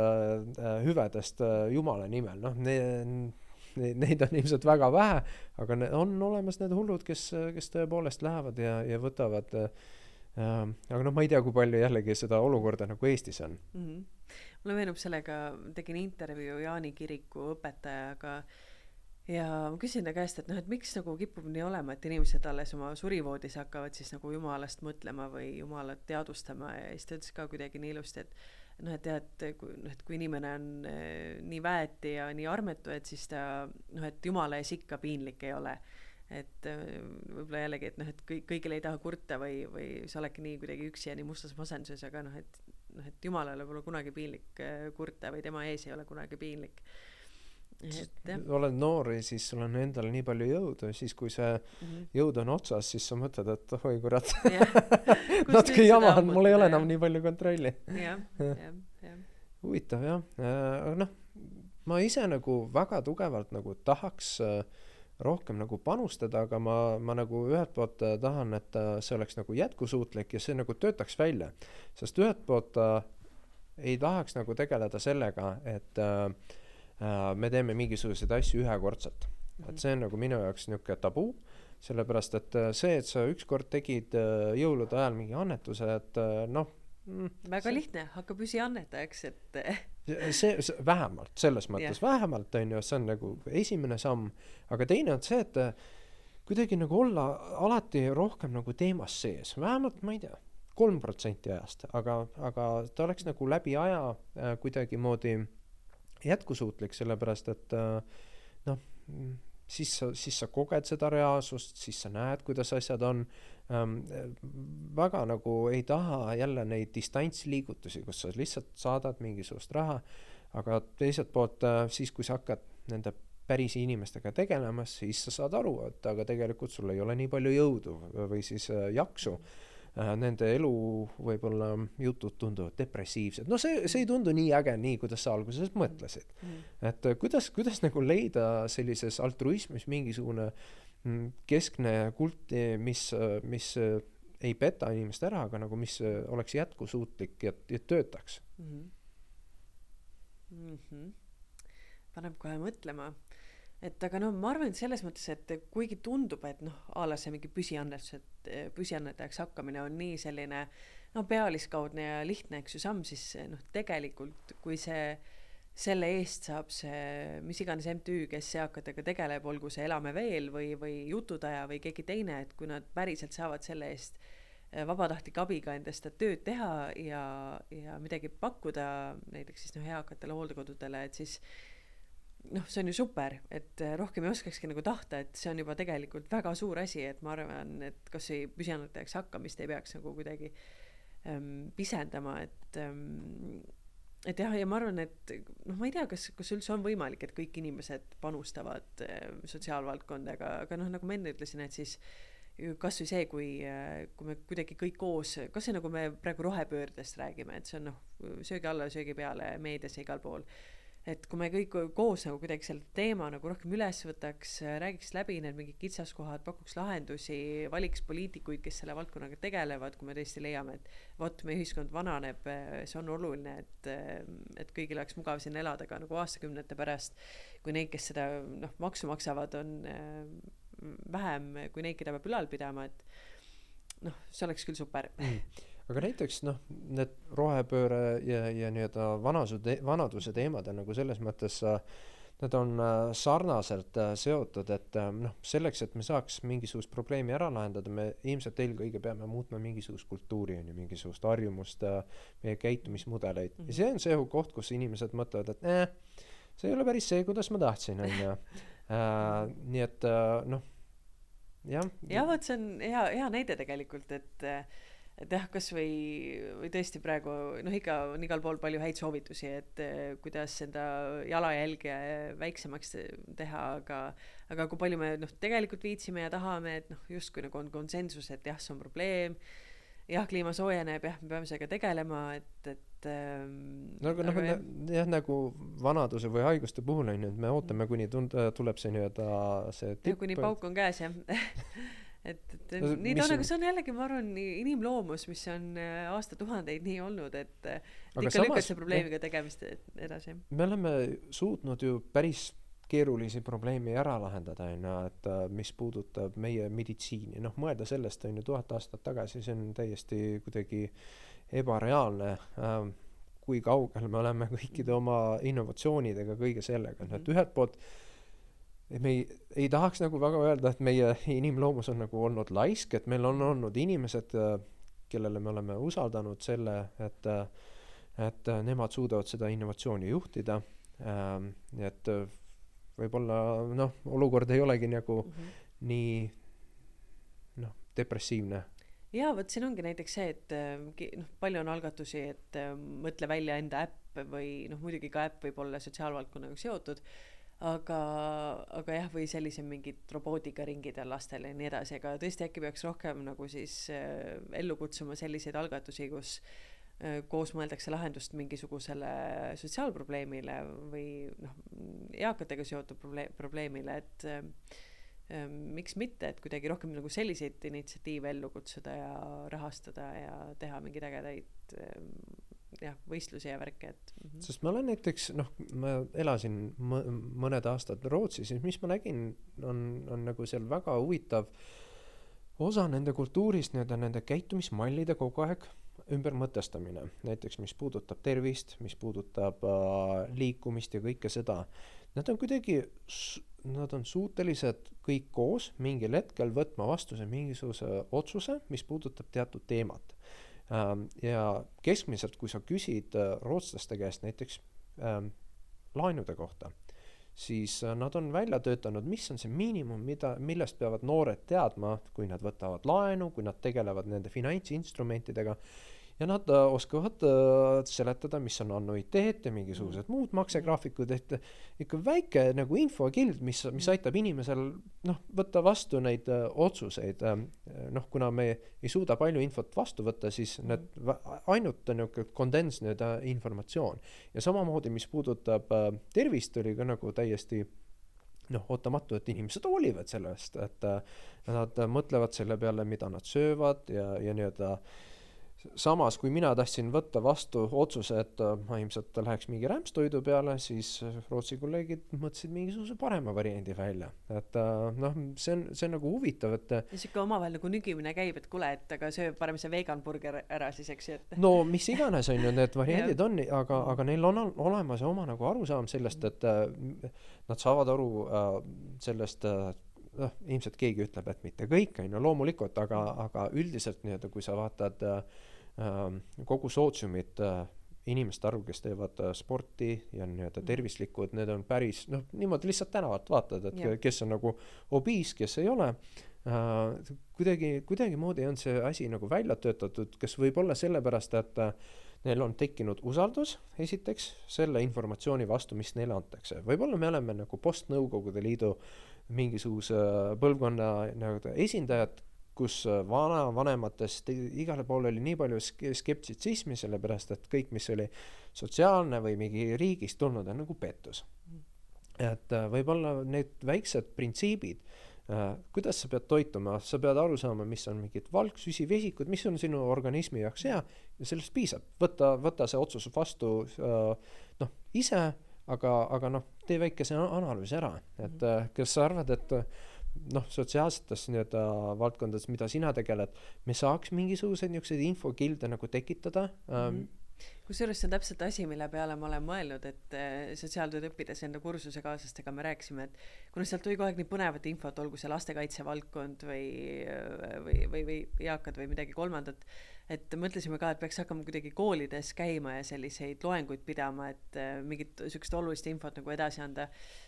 et ma ei tea näiteks, kas tänapäeval koolides nagu räägitakse, et äh, mis on lasteabitelefon, mis on selle number, et sinna võib alati helistada ja nii edasi, kas on mingid siuksed olulised teadmised, aga, aga ka midagi laiemalt kuidagi mm, sotsiaalvaldkonna kohta üldse, et, et sest see ongi kuidagi nii võõras, aga näiteks sotsiaalvaldkonnaga isegi noh, mõnes riigis endiselt on nii, et sa ei saa seda näiteks kohe pärast keskkooli õppima minna sotsiaaltööd, et, et sul nagu peab olema mingi suurem selline kuidagi elukogemus kuskilt mujalt enne või, või lihtsalt jah. et sa ei tea, sul ei ole kokkupuudet veel või, või jah, et võib-olla ei ole kokkupuudet või ma ei tea täpselt, mis need nagu hirmud seal kuidagi on, aga aga samas mina arvan, et seda kuidagi peaks jälle nagu lähemale tooma, et et mul on nagu enda kooliajast küll hästi nagu elavalt meeles, et kasvõi kui mõni kiirabiarst käis rääkimas või meil oli see mingi Ole normaalne kaustik oli, kus ka jah, politsei ja siuksed teemad olid sees, mingi narko ja nii edasi, et et erinevad mingid sotsiaalprobleemid ja et see ikkagi nagu mõjus äh, mulle, et noh, mul siiamaani, eks ju, meeles enam-vähem nagu mingid pildid seal olid või mingid teemad, mis me käsitlesime, et, et jah, aga, aga jah, see noh, siin nüüd Alar Karis on rääkinud ühiskonna harimisest ja haridusest ja kõigest sellest, et nagu PISA testides me oleme nagu tugevad, aga aga, aga jah, et kui ongi näiteks ühiskonnana vaja siin, ma ei tea, koroona, koroonaviiruse vastu seista, et siis äh, noh, muidugi igas riigis on äh, suuri proteste ja kõlab üpriski rumalaid seisukohti, et aga noh, noh, meil on ka ikka kohati päris palju seda, et noh, et kuidas niisuguseid probleeme lahendada, et no ma ei kujuta ette, et aga, aga jah, õnneks ma ei pea ilmselt äh, kõige suurem probleem on see, et uh, me tahame olla spetsialistid, on ju, igas küsimuses, me tahame mm. igas asjas uh, osa võtta, on ju, me teame paremini kui arstid, õpetajad ja kõik muu, et, et võib-olla nagu meie see egolaks on ka nagu päris, päris tugev, et noh. no see on, tead, see on selline, et teaduse devalveerumine üldse laiemalt ühiskonnas, et noh, sugusid pole enam ammu kaks ja oh, nüüd, nüüd läheb see podcast vairaliks, aga et noh, et selles mõttes, et noh, kõik sellised nagu teemad, et me tegelikult näeme igal sammul teaduse rolli devalveerumist äh, ühiskonnas. no aga ta ei ole ju põhjuseta selles mõttes, et äh, need skandaalid ja igasugused on ju äh, skeemid, äh, mis teaduses eksisteerivad, need ei ole enam noh, mingisugune normaalsus nüüd on ju, kui me kuuleme seda, et mingisugune artikkel sai publitseeritud totaalselt valete mingisuguste andmetega ja kõike seda ja see on nagu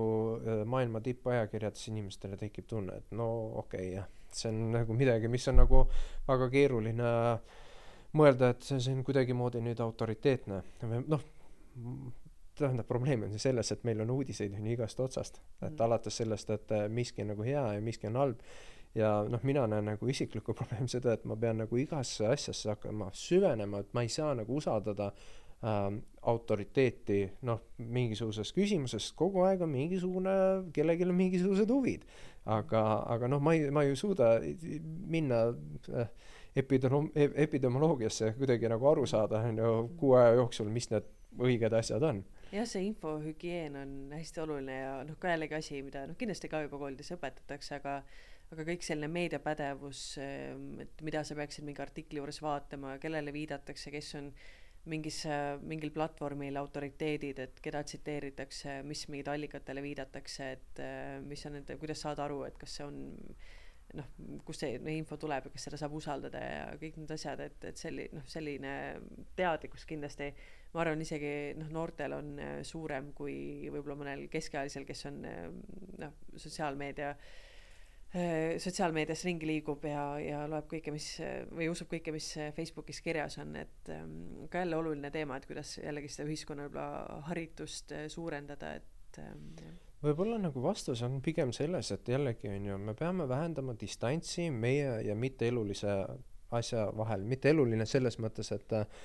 Erich Fromm äh, kirjutas äh, kunagi sellest, et inimestel on väga, ta kasutab muidugi väga tugevat sõnavara nagu äh, niisugune suhe nagu nekrofiilia vastu. nekrofiilia mitte selles mõttes, et mingi surnud laip, vaid meile meeldivad asjad, mis ei ole elusad, selles mõttes biofiilia on üks osa, ehk siis see, mis, mis elab ja siis äh, nekrofiilia on see, mis meie armastus, noh, meestele meeldib autoga pigem on ju seal garaažis olla, no mis iganes, kes, kes mille nagu leiab, aga, aga noh, probleem ongi selles, et äh, me ei, ei ole, ei taha olla seotud omavahel nii noh, inimestega, sealt me kaotame empaatia, sealt me kaotame, noh, päris palju niisugust sotsiaalset kapitali, et me pigem, pigem äh, oleme,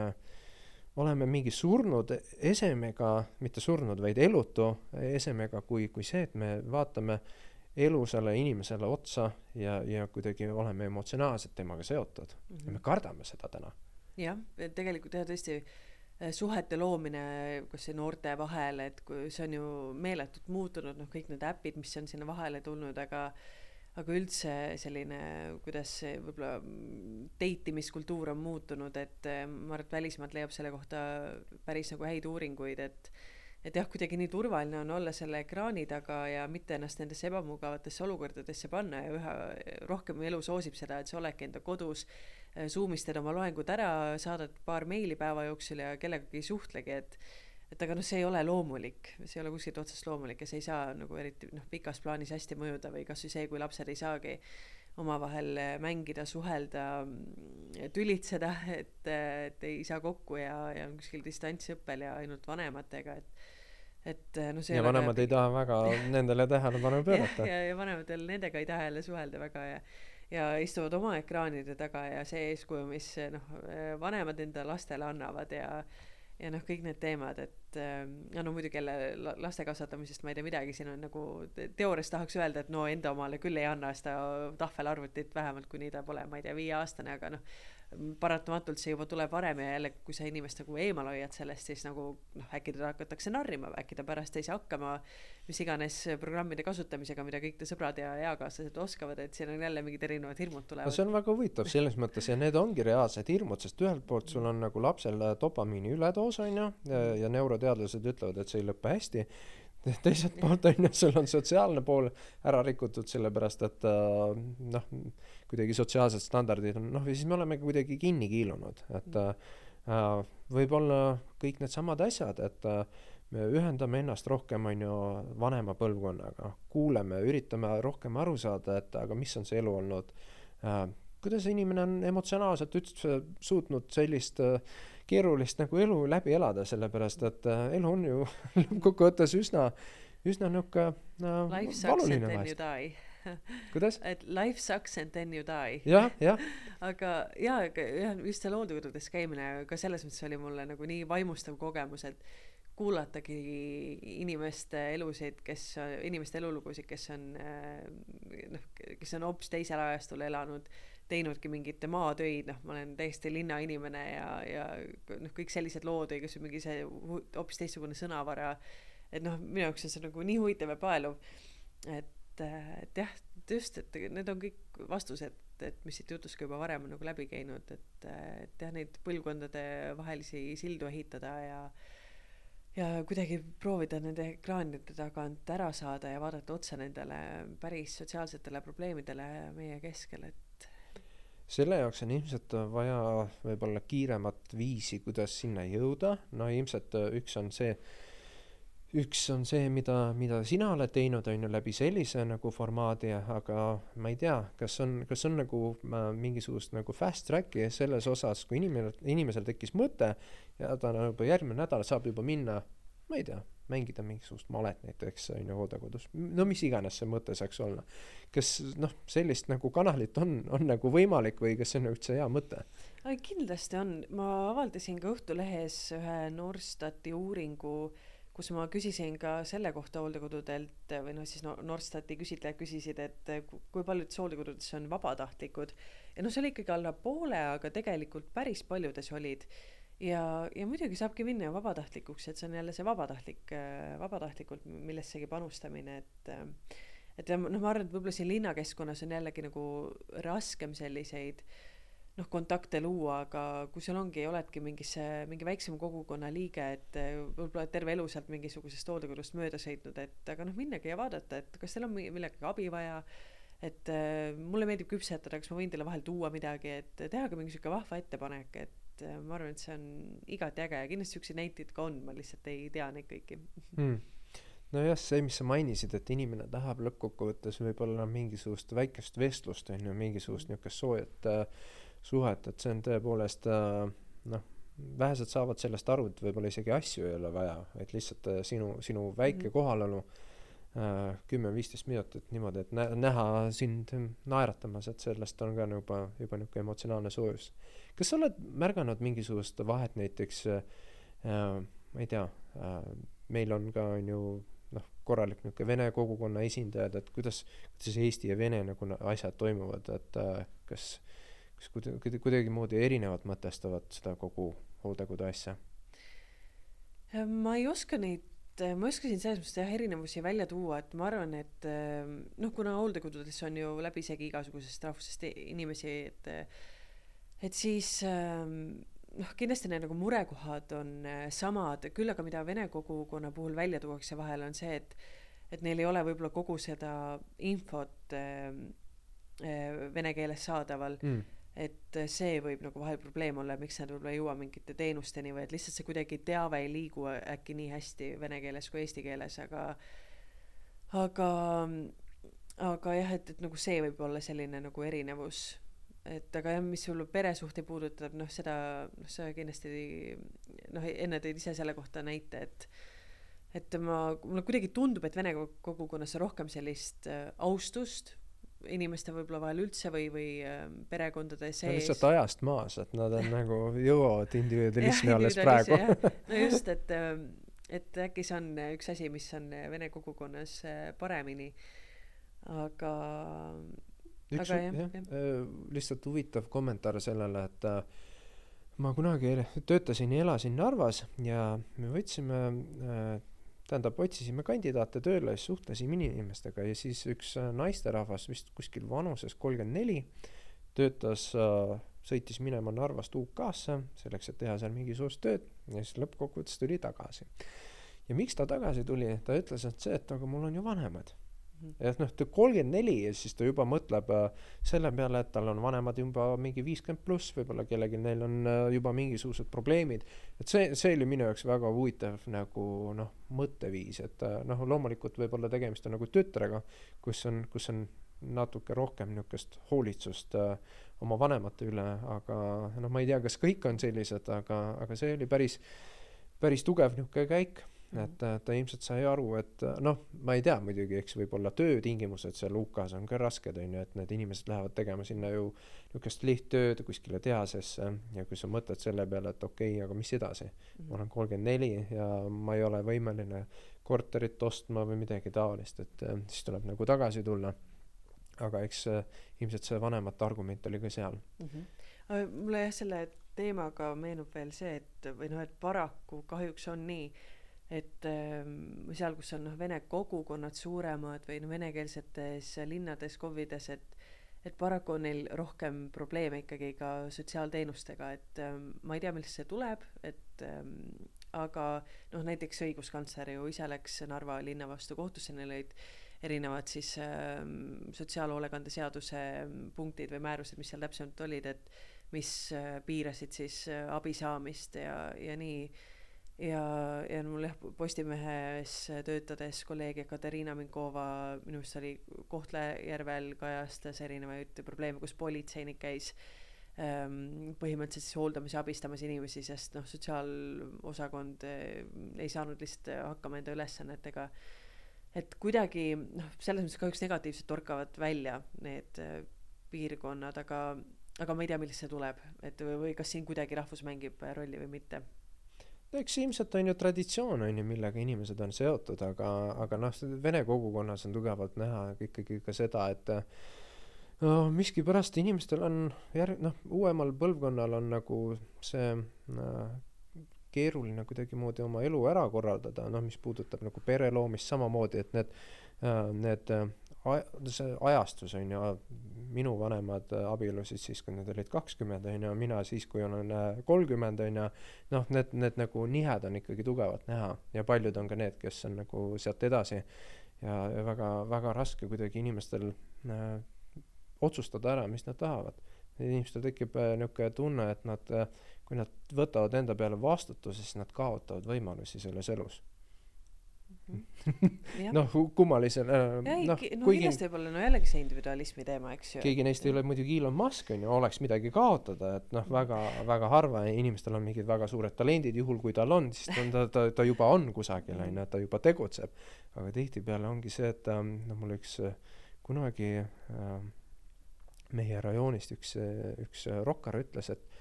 noh, ta oli juba nelikümmend ja siis ta ütles, et enne kuni ta nagu selle karjääri, rokkari karjääri nagu ära ei tee ja ikka korralikult bändi ära ei tee, et selles mõttes pere loomisest ei saa olla juttu. ja noh, inimestel on sellised nagu mõtted, mis äh, äh, nad miskipärast arvavad, et see takistab, aga ma, kas sa, kuidas sa ise nagu ähm, noh, noore põlvkonna esindajana nagu mõtestad seda, neid, neid suhtumisi, mis puudutab nagu pere loomist ja üldse mm? Jah, no siin ongi jah, ikka see, et kuna ongi nii palju võimalusi, siis äh, ei, tuleb see haridus kõigepealt, et noh, käiks selle haridustee lõpuni, siis juba saad mingi töökoha, no tegelikult võiks siin ka natuke pädevusi kasvatada ja ja noh, eks ta nii kipub olema jah, et kõik need noh, tegelikult olulised asjad, eks ju, lükkuvad nagu edasi ja edasi ja ja noh, sama küsimus või noh, kindlasti probleem on ka nagu see, et kuidas neid kontakte nagu üldse mm, luua ja, ja kogu, kogu see noh, tehnoloogia, mis sinna suhete võib-olla vahele on tulnud, mis ühest küljest nagu aitab võib-olla kellegi leida, aga teisest küljest võib nagu väga üksildasena ennast tunda selle noh, telefoniga tõtt vaadates, et, et ikka pole kedagi kõrvale leidnud ju sealt. Mm.. aga jah, see on selline jah, hoopis, hoopis teine teema, et kõik need suhted ja, aga no samas ka noh, ikka on see kurb statistika, et pooled abielud ju lahutatakse. ilmselt rohkem ja võib-olla isegi rohkem, eks ju, noh, kui paljud üldse nagu. lihtsalt mulle tundub no, et. abiellumine on vähemalt ikkagi moes, aga mm. jah, tundub lihtsalt, et nagu kaudselt need teemad on nagu seotud, sellepärast et jällegi meie, me räägime on ju inimesest, tema äh, mõttemaailmast, tema mm. suhtumisest, et ähm, no jällegi need noh, pereväärtused selles mõttes, et kui pere oleks noh, number üks prioriteet, siis äh, arvatavasti see loodaks ka varem ja võib-olla oleks ka suurem kuidagi tähelepanu vanemal põlvkonnal.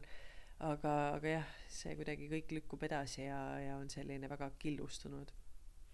kas sa arvad, et äh, sellest äh, on võimalik kuidagimoodi jagu saada või see on juba kahesaja aasta küsimus? ja ei, ma ei, ei usu, et selle siin nagu midagi nagu teha on, et et ähm, et ja tõesti võib-olla need inimesed, kes kunagi neid eakaid hooldavad, ei olegi pereliikmed ja, ja, ja ongi hoopis no, robotid. või, või vähemalt tehnoloogial on seal palju suurem roll ja noh, ei saa öelda ju, et see nagu halb on või noh, vähemalt noh, tegelikult ka juba praegu seadused igasugused ütlevad, et ei peaks pereliige olema see, kes nagu füüsiliselt hooldabki, et äh, jah, perekonnalt võib raha küsida, aga noh, meil on ju nii suur probleem praegu see, et mis oli viisteist tuhat äh, rohkemgi inimest on tööturult eemal sellepärast, et nad kedagi hooldavad, et mm. noh, see on see jällegi nagu selline pro probleem, mida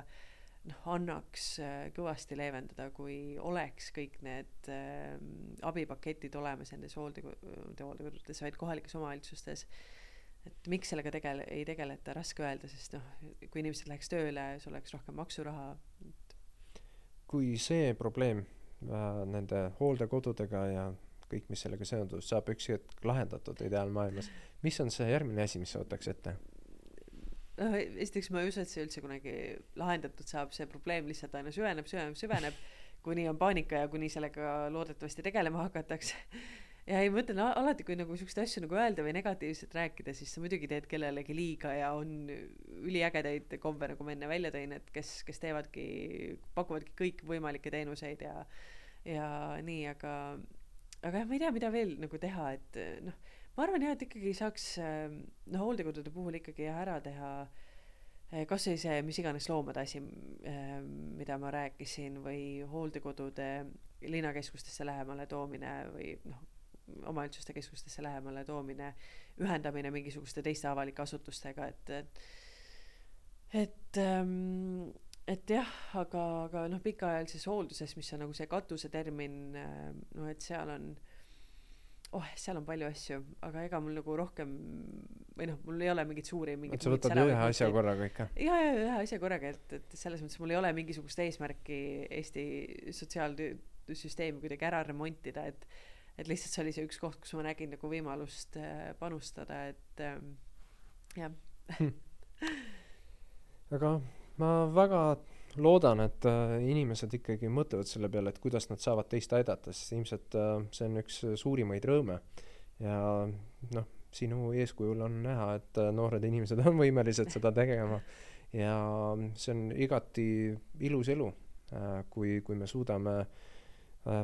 elada tervislikus ühiskonnas, kus meil on ikka äh, sotsiaalne sidusus, ütleks mõni poliitik vist absoluutselt ähm, ja vanemad äh, keskmised on ju ja uuemad põlvkonnad, et omavahel oleksid äh, seotud, siis nad saaks just rohkem elust jagu mm. aga suur tänu, Kadri, et said tulla. ja suur tänu kutsumast ja elameveel.ee on see lehekülg, kust ka MTÜ kohta rohkem infot saab, et kui jõuluajal keegi panustada tahab, siis seal saab annetada